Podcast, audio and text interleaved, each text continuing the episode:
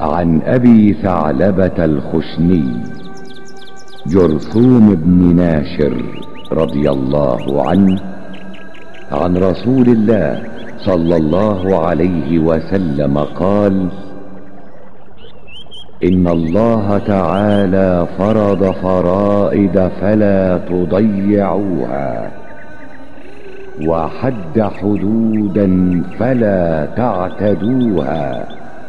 وحرم أشياء فلا تنتهكوها وسكت عن أشياء رحمة لكم غير نسيان فلا تبحثوا عنها حديث حسن رواه الدار قطني وغيره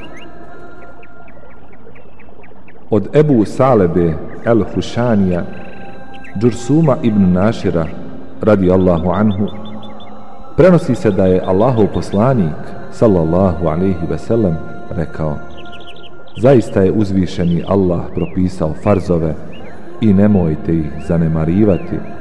Zacrtao je granice i nemojte ih prelaziti.